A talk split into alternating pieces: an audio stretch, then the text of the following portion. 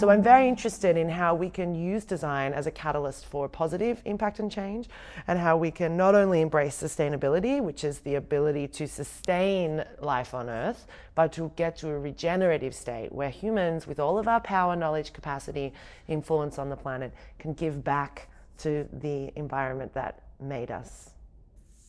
Welcome to episode 49 of Klimatpodden, a Swedish podcast about climate change, hosted by me, Ragnhild Larsson.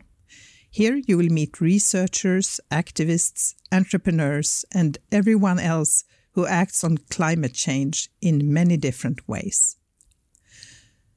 My guest today is Leyla Acaroglu, an award winning designer, social scientist, and entrepreneur who challenges people to think differently about how the world works. Yes, she even calls herself a sustainability provocateur. Leyla was awarded 2016 Champion of the Earth by the United Nations Environment Programme, and her TED Talk on sustainability has been viewed over a million times. She leads presentations around the world on activating positive social and environmental change through creative interventions. She is the founder of the Unschool of Disruptive Design and two design agencies, Disrupt Design and Eco Innovators. She even holds a PhD in how to make change in the world. In this interview, we talk about how design created the mess we are in and how design can get us out of it. We talk about circular economy and how we can change the educational system to better meet the challenges of today, and much, much more. I met Leyla at Gothia Towers in uh, Gothenburg uh, when she was here to give a talk at Världskulturmuseet in November. So that is why you might discover that the sound is not perfect during the interview, but I'm sure Leyla's important message will come through loud and clear anyway. If you want to have more information about this episode and about Klimatpodden, please visit klimatpodden.se and do follow us on Twitter and Facebook. And don't forget, if you like it, share it with your friends and colleagues. But now let's listen to Leyla herself. So, welcome to Klimatpodden, Leyla Acaroglu. Thank you for having me. So, who are you? That's a good existential question to start with. Um, I'm a designer, sociologist, and sustainability provocateur, which essentially means that I work to use creativity as a catalyst for social and environmental change. And I'm very interested in how, as an individual with limited resources or power, we can activate our agency in the world to kind of co-design futures that we want to live in. Mm, sounds very interesting. so, how did you get into this? How, um, what made you interested in this special field? Well, when I was younger, I definitely had a leaning towards humanitarian issues and was very. Um, uh, emotionally uh, evoked by injustices, or in Australia, we had a lot of refugee issues. So, um, so yeah, I was very interested in um, uh, refugee issues and uh, and so early on, I was very motivated by the injustices that were uh, happening around the world, which felt really weird to me because I was having this, you know, kind of quite normal Australian life. So I, um, I started working on refugee issues and I was very um, uh, motivated. And, and at the same time, I started studying design because I thought it would be a really fun career, like product design. And I got really annoyed by remote controls. They seemed really stupid, and I wanted to be the person who fixed that problem. Um, and so I was studying design, and it was seemed it was great. I love uh, learning about how materials work and everything. But I, I uncovered through one of my classes um, that everything in the world is interconnected, and that we live on this giant ecosphere uh, called planet Earth. That um, I'm a direct recipient of the natural services. That the products that I would create as a designer were actively uh, disintegrating the ability for them to survive. So clearly, I had the first of many existential crises, which was the reality that I, as an individual, was going to have impact on the planet, oh. and I had no idea what it was going to be, and I felt completely ill-equipped. Oh. Right? I was like, I just wanted to solve remote controls, and now I discovered that the salmon are dying. Like, and actually, I do really distinctly remember going after this class um, and getting all the books I could from the library because you know it was still the days where internet was dial up and whatnot. and uh, I took all those books, and I remember reading one book. I think it was Natural Capital, or it was a book that explained the relationship between elements of a system. So it was a salmon bear forest scenario. And he explained it, and I actually started crying from like this, like, this deep sense of like, well, of course that makes sense, but why didn't anyone tell me? like, yeah. like I was 20 years old and I was sitting there going, why did I get to this point? And what? That's not fair.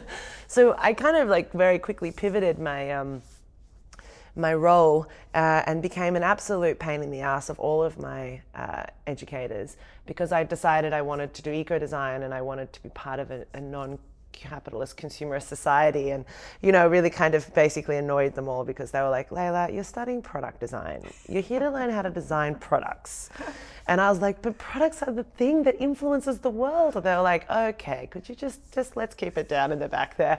So in the end I quit design school and uh, went to study sociology majoring in sustainability. So I did social science and I fell in love because I got to learn all about how the secret wonders of the human experience of the world is. You know, like um, from economics, which I was really scared of. I thought that economics would be the most boring subject. Turns out it's the most interesting. Human behavior, the way we're motivated, all of this stuff. And uh, I majored in environmental sciences and was very, very passionate about combining the, the, human experience, the environmental knowledge, and the design of products and services because everything we do in our lives is scripted by the experiences of design. Mm. And humans have been forming the world to fit their needs for a very long time, and we've become extremely good at it, mm. but in a way that has been quite pervasive, uh, subversive, and um, damaging in a lot of arenas, not only to our own health, but also to the natural environment that we rely on. So I'm very interested in how we can use design as a catalyst for positive impact and change, and how we can not only embrace sustainability, which is the ability to sustain life on Earth, but to get to a regenerative state where humans, with all of our power, knowledge, capacity, influence on the planet, can give back to the environment that made us. Yeah, but I mean, uh, so in what ways could you? I mean, it makes sense what you say, but in what ways could could we use design then to make a more sustainable and resilient society? Well, I mean, if you break design down, it's uh, it's not just the professions of fashion, industrial, graphic. You know, there's a lot of professional designers, and they have a big influence on the world. Marketing, essentially, is the ability to communicate graphically or visually. Um, product design, like we're sitting on these chairs, and they're they're intentionally designed to not be comfortable because it's a public space, and that's extremely intentional. And I can tell exactly what's going on here with the, the size of the base of the chair for those of you you're listening, it's really wide and you kind of don't know how to sit on it properly. it no, feels, you can't lean back. You know, and it feels very awkward. So you kind of like know that this is temporary. Yeah. Um, whereas in other spaces, the chairs are more like a womb. If you're going to be sell- sold something, they want you to be there longer because you'll buy more. And there's all of these different small tactics and tools that design uses uh, to keep us engaged, keep us informed, and to sell us stuff, essentially. Um, so it's already pervasive, it's already influential, it's already scripting our lives. So um, then there's obviously a huge opportunity to have the knowledge, um, capacity, and uh, intent to design products, services, and systems that not only meet our needs, but meet our needs in a way that is also uh, positive, it's uh, positively influential of the type of society we want, um, but also that it has the ability to give back to whether it be communities or, or nature. So that's like a hybrid of like social innovation and um, and environmental design, which is a long-standing uh, profession. And of course, we have huge progress that's been made in the building sector. The fashion industry is really coming on right now. Um, we're seeing a lot of work being done around material design. But the reality is, is that there's a deep-seated kind of systemic uh, issue going on here, which is that consumerism essentially uh, motivates the perpetuation of of the problem. Okay, so and that we have c- constructed our society to believe that con- that at the end of the consumption, um, just after consuming, we will find happiness. Right? I'm a big fan of. Um, uh, Alain uh, uh, de Botton, who wrote Status Anxiety, started the School of Life. I also started a school myself. Um, oh, you did? Yeah, I started something called the Unschool of Disruptive Design. It's an okay. experimental knowledge lab for adults But uh, I'll explain that in a minute Yeah. because the status anxiety thing is, um, you know, he has this book and the first page, it explains that nearly every single thing we do as humans is to acquire the associated rewards of love. So the emotions associated respect, admiration, contentment, security. So if you, and all of those things are manipulated by consumerism. And I mean, this isn't like some secret, you know, we all know it. And if you look at the history of public relations and Edward Bernays, who was the nephew of Sigmund Freud, who used Freud's theories to create PR as a, a profession, and then you have um, the way in which designers sit around and, and contextualize like the, the influence that a color or a shape will have on someone's feelings, and then how you can use that to create uh, parting with money for services or products. And I mean, look, we all need things. We all, I mean, I need clothes to stay warm, and I need food to be nourished, and I need a house to like curl up in at night. I need all of those things. But I also um, am, am accidentally participating in a system of hyperdisposability, the normalization of waste, um, because of the fact that I also am in the fast paced reality of the world. So I guess what I'm trying to say is that we've normalized unsustainability as like a byproduct of this concept that you can buy happiness. And I'm not someone who's like, oh, we need to throw it all over, we need to like go back to, you know, simplicity or you know, I'm actually more of the idea of like, well, we design created the mess, design can get us out of it, right? We've designed this scenario. And this scenario is not the dominant future that we're going to live in because everything changes. Change is the constant universal flux that we're in. So all I'm interested in is what like Buckminster Fuller says is if you want to change a system, you don't invest your energy on fighting the existing system. You design the new system that makes the old one obsolete.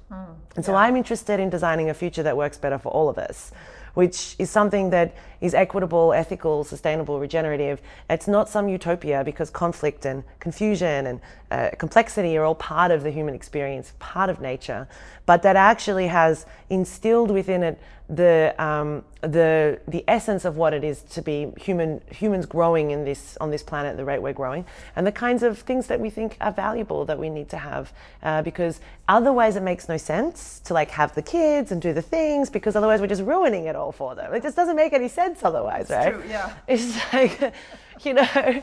Because no human is is uh, separated from nature. We are nature right? Like and i'm not saying that in some like hippie tree hugging way at all. I'm literally saying it like to make these sounds i have to suck in air that was produced by phytoplankton and trees. And that if i got flown to mars tomorrow without the fake version of nature i would die. Like anyone listening to this would also die if they tried to hold their breath for longer than 60 seconds. You know, it's like we're not some special magical like like robot creature. We are humans. We are made of flesh and blood and we're part of the systems that sustain the magic of, of life on Earth, which is also, according to most physicists, absolute magic. There's no other planet like this. Hmm. You know, and it's like we spend our lives forgetting that, buying into this idea that a new handbag will make us happy versus the wonderment of nature and everything that's around us. It's true, but we all know this. I mean, it's it's when you say it, it sounds very but obvious. it's like- but it's we like- still keep doing the wrong yeah, thing. but it's exactly Why? like me when I was a kid and I and I learned that everything's interconnected and I was like, well, of course, but I had never been given the freedom, the space, the energy to think that way. Mm. That had been squished out of me from a young age. Now you hang out with anyone under the age of say 6 years old mm. And they will make you very aware of rainbows and butterflies and stars at night and the trees and the water and everything that's beautiful and wonderful and out there in the world because that's the world that's how we come out of the the the, the kind of come out of the human, I was going to say, which is a really weird thing to say. But you know, we come into the world in this like extremely like engaged and, and full of wonderment, and we then have this thing called the education system, which was designed on a reductionist system of creating workers for the economy. And yeah, fair, we needed it. Like people were dying of the plague, and everything was unsanitized. And yes, we needed to figure out ways of organizing the increasing populations of the world. And so I, it worked back then. Sure, but it's also like, you know, we design systems that are relevant to the time, like coal powered energy, uh, fossil fuels. Sure, like they found fossil fuels, like it's like magic. They used to blubber whales to death before that in order to get the to get the uh, the oil fats to make keep your your house lit at night. So you know, I'm kind of happy that we stopped killing. Well, now we still kill the whales, but anyway, You get what I mean? Like this is transitionary. It's evolution. It's how it works. The the clinging on to the old technologies at a time when we know better is just stupid and it's frustrating. Um, but unfortunately, um, people the thing about power uh, and uh, influence is once you get it, it's very hard to let go of it. And so this is a kind of uh, issue we have with regards to people being willing to admit that, that something that they invested in was wrong. And we create societies where failure, again, this is part of the reductionist school system, that failure is, is, is to be avoided because that gives you the opposing feeling of love, right? That's where you get the cortisol and the neurochemicals of, of uh, being unsuccessful. And so we've kind of conditioned and wired ourselves neurologically to be constantly seeking rewards, and those rewards mean that we get stuck on our one idea and we're not willing to see not having the outcome we expected as potentially a reward, right? So failing as an actual joy of when you like when when I did design, one thing I learned that I love, and I think most designers have this, is that you actually want to break things to learn how to make it better. Mm. So you get this like joy from like, oh, that's not how it should be because you've like, okay, now I know this is not a viable option. And so there's all these other options that open as a result of that new learning. So it hurts, of course, as well. Like you break something and or you try something, it doesn't work. But you're kind of given this constant iterative um, prototyping uh, mindset where you're like, well, that failed, so now I've got to think about how to solve it in a better way. Yeah, it's part of the process. Exactly, yeah. and it's almost a, it's almost a critical thing. If you make something and you haven't tested it, then somebody else will break it. And so then you're like, oh, that's embarrassing because they just broke it in front of me.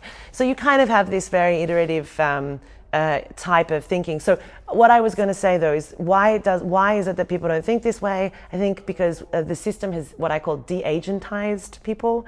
We are no longer given any agency as individuals in the world. The amount of times I hear people say, "Yeah, but one person can't make a difference." Like one person, the world is made up of many individual people. Exactly. And the fact that we don't have the systems that we want, the systems that are equitable and ethical and regenerative, is because of the fact that every individual perpetuates yeah. the unsustainable system. Mm. That is the reality. So, unless you choose to question or respectfully disrupt the status quo, then we otherwise continue to perpetuate it. Mm. You know, and the best way to change something is to model new behavior. That is how change happens. Yeah. You know, it takes individuals willing to demonstrate that there is an opportunity and there is a reward and that you're not all going to die if you discover the world is not flat, you know. So these are very important things. And so this is, I mean, for lack of a better term, we refer to it as leadership um, in our kind of society. But it annoys me because so many of our greatest minds, for lack of a better term, are technologists and they're investing their energy in like new parking apps, mm. you know, to save five minutes on finding a freaking parking spot rather than some of the really big pressing issues of our time. Oh, yeah. And this frustrates me a lot. And, and this is actually why I, I started the Unschool. Um, because I kept meeting all these people who had some really cool job. Like I'm an entrepreneur, I get to travel the world, I work in with like CEOs to princes to governments, whatever. I get to meet some really interesting people. And you know, uh, you meet someone and they're like, oh yeah, I'm like the chief technology officer at blah blah blah and they're really cool and you think but you're kind of just making crap and you know you maybe have a glass of wine or a beer and you're just a bit like you know deep down they're all like yeah actually i really want to do something. Oh i've got this charity that i fund or you know i do think about the impact of what we're doing but you know i, I still need to pay my mortgage and, and everyone's like post rationalizing what they're doing but when you go like when you, you speak to these people they're like deeply conflicted inside themselves yeah. about what the, the, the, they've bought into the system. They're in this system, but they're also deeply conflicted about what they've had to give up in order to be part of this kind of um, hyper-paced. Uh, you know, the startup world's a classic case of it. It's just it's all about the kind of success now, the now success. Mm. Anyway, and so I started. I thought, well, okay, this is kind of how I felt too when I first discovered this, like, whoa, everything's interconnected, designers are going to ruin the world, I don't want to do that. I felt extremely confused about what I was, what can I do? Mm. And I'm just one person and I was only 20 and I didn't really have any skills or resources to do anything. Um, what I did do was I decided to just get as much knowledge as possible and I volunteered everywhere and I kind of became ferocious about knowledge acquisition. Um, and now 15 years later, I've done a PhD, I've done all of the kind of traditional academic work to get to a point where I can now completely and utterly, uh, you know, disrupt that respectfully because what I learn is that education is not institutional experiences, it's what we learn in life. Hmm. And so the most important thing we can do is create experiences that allow us to have a diversity of perspectives of the world. And that helps us gain a three dimensional understanding. Um, because most of us have this linear, one dimensional perspective. That's like, it's almost like you go to school and your, um, your creativity, your curiosity, everything gets, oh, it's, it's podcast. You can't see, I'm using my hands to demonstrate a kind of compression to a singular line. Um, so we go from this big wonderment of the world to this very linear and myopic view. And so I created the Unschool to give people the tools to think in a more three dimensional and flexible way about how the world works. We run programs around the world. Um, we run this seven day uh, Emerging Leaders Fellowship. It pops up in random locations. We just did it in Mumbai in India. Um, and uh, I, I, just bought a facility in, uh, I bought a, a, farm actually in oh. Portugal that we're setting up as a retreat facility. And for our year long program, we're about to launch, which is an alternative master's for creative change makers. So we teach something called the disruptive design method, which is a method that I developed um, to help give anyone a tool to do this. It's a three part process of mining, landscaping, and building. It's actually a really simple way of iterating through complexity to get to an outcome that is, is within your realm of influence or sphere of influence, within your agency, to help kind of iteratively chip away at the problems that we see in the world. So people learn how to do this, and it's, it's, it's a gift rather than a, a doctrine, like here's a way of doing something. Um, and it's based on a more complex uh, 12 part methodology set that includes uh, cognitive science, gamification, systems thinking. So, with a fundamental component of this is systems thinking, learning to hmm. think around complex, divergent, emergent systems and how to interact with those in ways that can shift or leverage change so that we get uh, a different outcome to the status quo. Mm. So it sounds really interesting. So who are who are the people attending oh, the Unschool? yeah, the Unschool. Ah, the Unschool. It's everyone. It's so funny because when I started the Unschool, I imagined it would be for like, let's say like millennial, frustrated, purpose-driven humans, right? So they've gone like to yourself. Yes, I mean, really, it was yeah. my own experience yeah. drove, drove this. Um, uh, so. Um, that's exactly what I thought. Like 25 to like 35 years old, I kind of imagined would come to the Unschool. And that is totally a, ma- a major demographic, but also uh, not. The, I mean, the San Francisco fellowship we did earlier this year had two 65 year olds who literally in their application were like, do not judge me for my age. we still need change as well, you know. And they, they were amazing because they both of them were like career shifters, right? They'd had their successful career and wanted to go in a different direction. Um, and, I, and it was really awesome for me because, I mean, we all have a form of ageism against the ones below us or above us. Oh, yeah. And this really, I mean, one of them who came, Susan, like she could do cartwheels. I can't do cartwheels. She was amazing. She had the most energy of everyone. And she was like, I've just lived like my whole life, done everything this way, and now I want to do it all differently. it's like, cool. Oh, that's good. So, so it's really diverse. Um, we now have an online school where people can take the classes. You can listen to hours and hours and hours of my dulcet tones, not dulcet, uh, fast paced, energetic tones, but uh, really where we look at all of the different knowledge sets and things. And, um, and I said we're building out this year long program, which is, in my mind, an alternative master's program, where in my, my goal is that within five years, it will be an actual profession that jobs will be made in companies for creative change makers mm. who have a skill set that's based on the creative understanding of the world, so the design, um, the experiential stuff, and then they also have a deep set of skills in, in research, respectful ethnographic research, and also systems thinking and the environmental sciences. So there, it's a transdisciplinary practice that would help many organizations transition to um, this kind of circular economy movement and, and really help them do it in a way that is, is more ethical because that's one of the big issues we have right now is that there's a lot of fast-paced uh, transitions that have just completely neglected the ethics of what we're doing. Could you give me one example? So, technology, for example. Yeah. So, there's a huge amount of uh, what's called dark design that's going into the des- to the design of any app or digital user experience. It's subversively, intentionally manipulating you. A classic example is when, well, continuous scroll is designed to basically keep you locked in like a like a casino. I'm addicted to continuous scroll. When I get on Facebook or Instagram, I have a I have a fight with myself.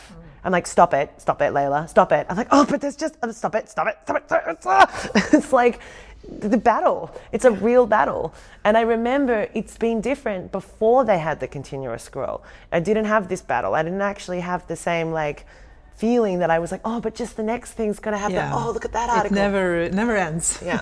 And then the other one that's pretty insidious, it's been written about quite frequently, uh, recently, sorry, is um, is uh, the opt-in versus opt-out. So if you're buying a flight, for example, uh, you have to go through all those pages now.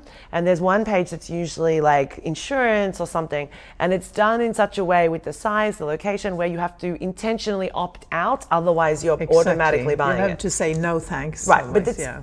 intentionally like, and but also not just intentionally. It's like it's calibrated for highest manipulation for success for the for the proprietor a proprietor to extract money from you for things that you don't need. It's like it's it's it's well known now in within the industry that this is, um, and we have a lot of defectors who have come out of Silicon Valley.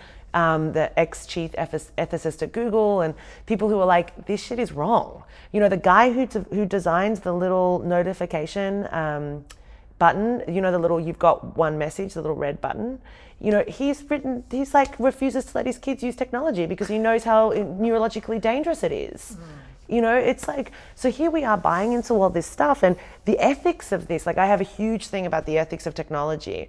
Just because we can make AI does not mean we should. We had the same conundrum when Einstein suggested we do drop the nuclear bomb to end the war. You know, like, there is a huge ethical dilemma of, of you know, if we roboticize all of our low entry jobs, what does that mean for your kids' career opportunities? Because I tell you what, as somebody who hires people, I'm not going to hire someone who's never had a basic like stocking shelves or waitressing job because they haven't learned human interaction, they haven't learned about how to uh, manage a stressful work environment. So, what are we going to do when we have a whole generation who has no opportunities to do menial level jobs, which are really important for personal mm. development? Yeah, I right? agree. And so these are all the impacts that we're seeing and the unintended consequences of the designed world. The designed world that is forcing us to believe we have needs that we don't actually have, right? The the the desire design for desire is huge right now. In fact, I'd say that most design is in this very vanity vanity vanity centric, desire driven space. The the emotional manipulation that like a, a, cell phone has on you with the lines, the shapes, the colors, everything about it. Like you become in love with these products. And we do have these genuine, like, like, like tactile, physical interaction with them, um, which is then each each generation has to manipulate you to abandon the last one, right? This is again an intentional kind of like strategic approach to fleecing you of your money for the products that we create. Now, my argument for cell phone companies, for example, is that cool, we know what you're doing. It's not a, it, we all buy into it because we all have the technology, but you're not selling a product, you're selling a service anyway. So you should design your entire system to be a closed loop system, meaning your product is designed from the beginning to go through a cycle of use and then end of life where it's managed, it's separated, it's recyclable, it's re- recommissioned into other products within the system. This is a classic product service system model. It's an, a very well documented uh, and experimented process of circularizing a linear and unsustainable economy. But you have a lot of these huge players who just will not go there until they're forced. It's an unfortunate thing. Then you have some other players who are genuinely doing this stuff and they're working very hard, and thankfully the consumer base is rewarding them for it.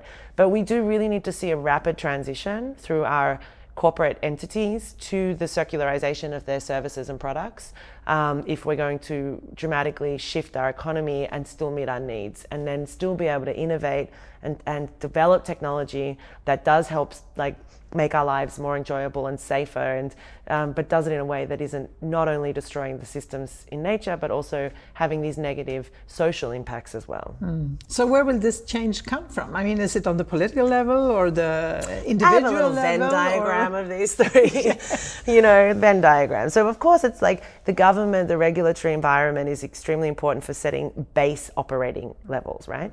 And then you have the um, the social pressure, whether that be consumer power, because every dollar, every euro, every cent you spend sends a price signal to a producer.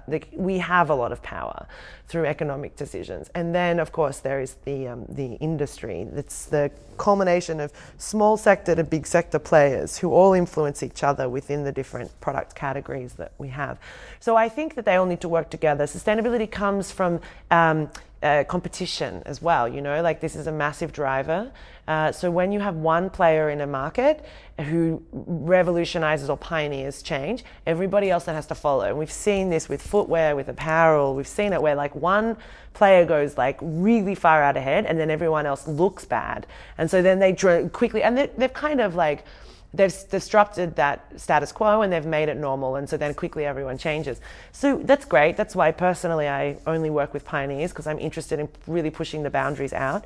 But uh, i think that um, the role that governments have to play is in setting um, universal standards. But also the problem I have with a lot of regulation is it's um, restrictive rather than um, uh, progressive. Like it, regulation should encourage continual change in a direction. So it should be more like a pathway rather than like a roadblock. Mm. And we do see a lot of roadblock legislations, and people just work, they go under them, they go above them. You know, like the the waste electronic uh, directive here in, in Europe has been changed several times because people just export the trash, and then you have poor kids in Ghana or in, in the slums in India that I was just in processing this stuff, and you just can't believe that basically poverty is designed to facilitate consumerism, uh, which is a whole other conversation. But I don't, I, in saying all of this stuff too, I'm filled with the utmost level of optimism and hope because the thing is, is that the future's undefined. Nobody says what's going to happen tomorrow. It doesn't matter what the media says. It doesn't matter what you fantasize. We all know this the tomorrow is a product of what we do today. Mm, right? Yeah, but so, but there is so little time, don't you feel? No, uh, I don't feel that at all. Because also the other thing is, is throughout the history of humanity, every time nature has thrown us like a really big curveball, we figured out how to. Like, for lack of a better term, conquer, whether it was the agricultural revolution or the industrial revolution or the Stone Age, whatever time in history.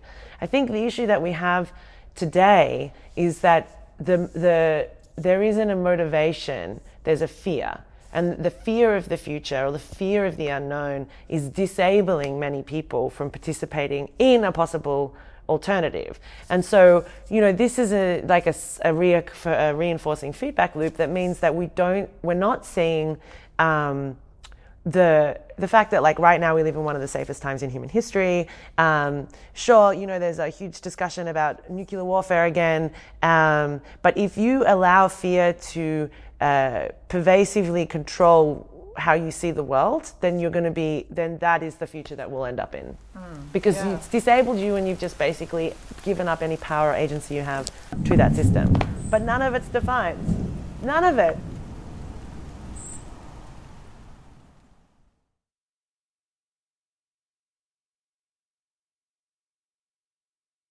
But I mean, you can hear a lot of young people say, I mean, it really scares me when they say, oh, we are screwed. And then that's it. And yeah, that's kids like, are always going to be like emo. Yeah, it's true. Come on, like, you know, I spent my entire years wearing black nail polish. Come on, right? Like, I wanted to be gothic and emo and like angry at the world. That's what teenagers, it's easier because then we have everybody reinforcing it. Yeah, yeah. But actually, I don't believe that. I mean, most of the people that I work with, they're smart as hell and they know that. Um, I mean, I can say we're screwed. It's easier because it's the dominant narrative. It's mm. easier to stand up in an environmental conference and talk about the science of how catastrophic climate change will annihilate us all. It's easier to perpetuate the narrative that the media is, is continuing to perpetuate. It's harder to stand up and go, you know what? Maybe if we make some small changes over here, we can dramatically shift this problem over there. Um, but it's going to be harder and it's going to require more energy neurologically. And you're going to have to admit that maybe, just maybe, we've been wrong. yeah, that's a hard one. So I think, I guess the point is, is that change comes from many locations. Um, it's, in, it's, but it's that critically, the world is changed by individuals. Mm. Yeah, re- yeah, I totally agree. Reconfiguring their performance or behavior in the world. So, yeah, yeah. Uh, but I, I, guess also that we have that you talk about reimagining, reimagining the systems mm-hmm. and reimagining the future. I guess yeah. because we need those stories about the future, which I think we lack a lot of today. It's like we all have this scary future, this picture of the gloom and doom that is ahead, but not so many stories about what could be a better word. What yeah, could be a more sustainable? Yeah, and it's interesting for me because I'm not I'm not in the business of um, writing fairy tales, so I don't no. I'm I don't like I'm not interested in in in trying to paint some utopian future. Uh, clearly, you know, we have a dystopian narrative that is quite common. I mean, humans have had that for a long time, though. Um, I am in the business of giving people tools to imagine how how the world the, how they want to live in the world, how the world hmm. works for them. Because I also can't speak personally for your no. Future. So on the individual level. Yeah, really. I mean, okay. For me, I would like to see a future where there we have more uh, equitable access to resources, and that isn't just physical resources, but power. I mean, as a woman in this world, I can tell you what the amount of times that my gender has been really made acutely aware of, of how I shouldn't be in certain places. Um, but you know, I've had to learn how to be um, respectfully um, stoic in my engagement with characters or experiences that and to prove that I have every right to be under those circumstances in those situations. Um, and that's the same with regards to resources that we need for survival. And many of our ills and problems are about this kind of like who gets access to what resources. So I would like to see a more equitable uh, access. And I think in order to do that, we need to reconsider GDP and the economic structure. Um, gross domestic product under the current context only measures um, economic activity that. Um, that is in, in, has happened by the hands of humans, right? So we do not we do not, for example, measure any uh, ecosystem services in GDP, but a war is fantastic for GDP because death and coffins and guns all increase uh, uh, the economic structure. And GDP was only introduced as a concept like 50 years ago. So in my mind, I'm like, none of these things are necessarily like gospel. They've just they're experiments like that have been th- thrust upon us, and thus can equally be. And one guy in a debate in upstate New York with a bunch of other, you know, yeah. economists. Yeah. Let me tell you, economists are not the ones who should be controlling the world.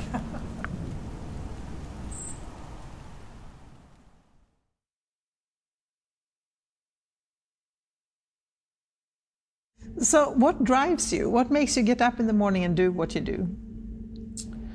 Coffee. Coffee definitely makes me get up in the morning. Yeah. It's such a joyous thing. Second biggest traded commodity in the world after oil, though, so I have guilt about it. But um, no, I mean, I'm driven by, I'm, you know, I'm actually, this is a nice full circle because I'm actually driven by the fact that I have a voice in a world where there are many people like me who don't have a voice. When I was young, and I mentioned I was very into humanitarian issues, um, I pen palled with a young woman, an Iranian woman who was in a refugee camp in Australia, um, and she had very similar aspirations to me. She wanted to go to university, she wanted to have a life that she could dictate, and uh, I was profoundly um, uh, like slapped in the face by the reality of my freedom and uh, how you know I could have easily have been her, you know, like that there was the, the difference between me and her was that she was in a freaking concentration camp basically in the middle of the desert because Australia's history with refugees is horrendous. Right now we have a huge, huge humanitarian crisis happening in this space as well. It's um, but the the point for me personally was that in that moment of reading this letter of, of, of, of identifying with the exact same aspirations as her, I realized that I had a voice and that she didn't, and that if I was her, I would want someone like me to use my voice for her and all the other people that, for whatever luck in the lottery of life, don't have the option to use their voice the same way. And um, I'm also fortunate enough to have been raised in a time and a, and a place where my gender shouldn't imbe- uh, impede my ability to access knowledge and to be able to uh, rightfully own space.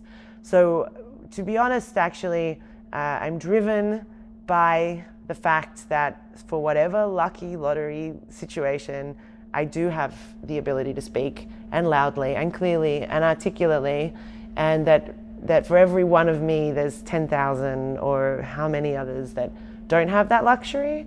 And so that actually is what continues to drive me. So you call yourself a sustainability provocateur. Mm-hmm. So who do you provoke and how do you do that? It's mainly most people. In what ways? Well, prov- provocation is really about uh, respectfully uh, pushing at things, right? So challenging, and challenge is, is basically the secret ingredient to creativity. You know, like there's this state, the flow state, which is the state between knowledge and challenge, and like it's like a pressure point that you can get to this state of creative production or of, of um, uh, flow, basically. And so, challenge is really important, and um, the provocation is around provoking the status quo. So, we have dominant ideologies, narratives. We've discussed many of them today already, but they're not they're not necessarily like needed, nor good, nor valuable. Um, you know, I think that there are many things in society we need to continue to question. And so, um, provocation, and also because I didn't want to continue to perpetuate the narrative that sustainability is costly, time consuming, boring, hippie, green, um, like fluffy, you know, polar bear loving, tree hugging, hemp wearing, granola eating characters uh, because you, this isn't an opt-in. You don't opt in to needing to breathe or needing to eat. You know, you opt out, and that's something else. But so it's it's an, we need to normalize this. And actually, years later, after I gave myself this funny title, was um, I'm a fan of. Uh, Edward de Bono, the guy who wrote the Six Thinking Hats, you know. And he, I watched a talk by him. Uh, he's an old man now, but he talked about this thing called the provocative operator the Po. He has a whole thing on it. And I was like, oh my gosh, Edward, clearly we've been thinking the same way. and he, he, he has this great example that um, he explains where he was, the, him being the Po, the provocative operator, the person who challenges the, the, the status quo of thought on something. He gave a talk at a, an ecology conference and they demonstrated this problem with a river flowing in one direction and a factory. And it, was, it had its waste pipe and all of the toxic chemicals were flowing down the river downstream. So the traditional kind of um, approach is to create a, to lobby the government to create a regulation to ban them to block them from doing that. Well he said well why don't you just make it so that they have to take have their in pipe below their out pipe so you immediately incentivize them to not put toxic chemicals because they immediately have to deal with it. It's a closed yeah. feedback loop. I mean, this is you laugh at it because you yes, and you go, of course, right? So that's basically what I do. Is I challenge people, I push and prod in whether it be the CEO of, of huge companies or whether it be government agencies to think differently and to think um, a, around, inside, on top of, and from a different perspective about the problems that we're facing, and to use divergent tools to do that. So that's really, and, and really for the point of achieving sustainability, because we have not achieved it, and uh, we're still very far from the point. And it's like anything, we need a we need a pathway to an end goal. Um, so I think that you know, getting decision making to incorporate economic, social, and environmental considerations with with the same weights as we do currently on the economy is a, is a very small step we need to make. Um, and that's why the circular economy movement's been really great because it's really helped to kind of normalize the narrative about what we're trying to achieve, mm. which is to circularize a linear economy that has externalities or environmental and social impacts that are negative to all of us. And we need to find ways of innovating that to solve those problems. Mm. But it sounds to me when you talk that we need a totally different kind of society. We can't really build on what we have. I mean, or... no, I don't know about that. I mean, like, you know, I'm renovating a farm right now mm. and I have several buildings and they're all degrees of, of falling apart, right? And you could knock it down totally. Uh, or you can work with the things you have, you know? And I think that that's yeah, in some respects, we need to really redesign or flip the script on many dominant narratives. But I think humans have done a pretty good job of like getting to this place. We should be proud of ourselves. We've done some really shitty things along the way. I'm not to lie. Uh, but at the same time, we've also evolved like this incredible language and like right now we can learn from the dead and speak to the future with written and verbal like this podcast. I'm speaking people listening to it right now you're in the future. That's kind of magic. Yeah. Right? So this is amazing. Mm. and so it's not that i think that we need to like we have the bones of, of possibility there, you know, the structure, the scaffolding, but we just maybe don't have the, um, we haven't quite figured out the materials that we want to cover that in to, to create the, the kind of sinuation or the skin that's going to pull it together in a, in a more uh, effective and ethical way. So.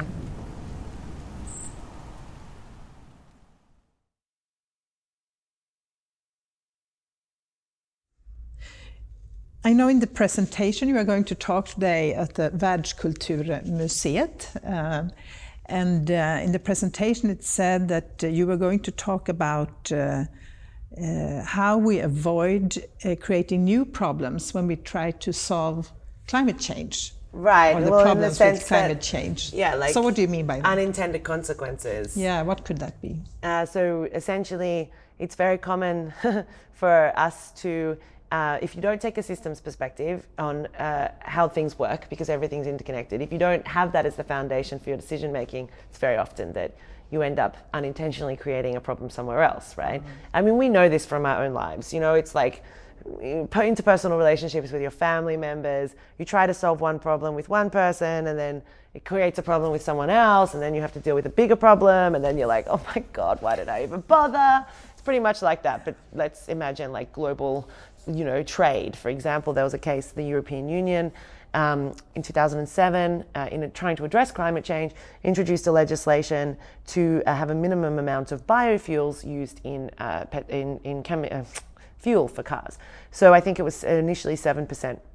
And so what happened, because they didn't look at the consequences of that economic uh, intervention, which global economic intervention, because you, biofuels are made from plant-based products and mainly from the byproduct of the agricultural industry. But if you are a grain farmer, for example, and suddenly there is a perverse cost uh, price incentive that dramatically increases the economic validity of one product, such as biofuel, um, but the global market is not going to pay you the same for your primary product, wheat, then you are incentivized to now sell your product primarily to um, the biofuel industry, which is exactly what happened. Uh, and what happened then was very quickly there was a world food crisis where a number of the base grains were no longer available for some of the world's poorest people. Um, and unfortunately, there was mass starvation and death as a result of this intervention because of the land use changes. And we've seen this through all of the bio based uh, plastics and other interventions done without the consideration of how they perversify the economy. They often have negative or unintended consequences. So we just shift the burden of problems without really holistically thinking about um, the systems that are at play. I mean, Freakonomics, the book about uh, you know crazy economics, beautifully explains a lot of these uh, crazy, perverse uh, in, in, incentives and interventions. And so, when we're looking at sustainability and we're looking at shifting the way we do things, we have to be uh, conscious of the fact that good intentions don't always lead to good outcomes. Mm-hmm. And unfortunately, though, most people who work in this space, it's very emotional and they're very like righteous about their decisions. I mean, it's fine, but it's also problematic. So that's why there's tools, the systems thinking, and the disruptive design method. It's really just a scaffolding to keep you. I always say you got to check yourself before you wreckety wreck yourself. You have to check your own biases. You have to check your own perspectives. You have to make sure that the, the motivations for your decisions are not primarily to appease your own decisions, but that they're made with an intent to actually really significantly shift the status quo in a way that's going to evolve a problem not just uh, you know shift it somewhere else. Mm, yeah, and then we need uh, system thinking, I guess. I mean, fundamentally, yeah, yeah. And need, yeah, everyone should ha- like basically we should enforce people to go back and hang out with five year olds and let the five year olds teach them things. yeah, because they know how to do it. Yeah. Well, it's just natural, you mm, know. And then yeah. it's funny because as adults we can't help but socialize our little people because we, we care about them. So we're worried that they're not going to fit into the society that we live in. And so we kind of accidentally like crush their hope and optimism with our reinforcing of the status quo. Yeah, it's hard. I don't know how anyone parents these days, to be honest. so that's a really good tip, I think, for the listeners to hang out with five year olds. Ask them to, to take them on an adventure that they have in their day right? From their perspective, because I guarantee it'll totally change the way you see the world, you know, yeah. Thank you so much for being a guest on um, my podcast. So thank you and good luck with your um, speech. Thank you so much.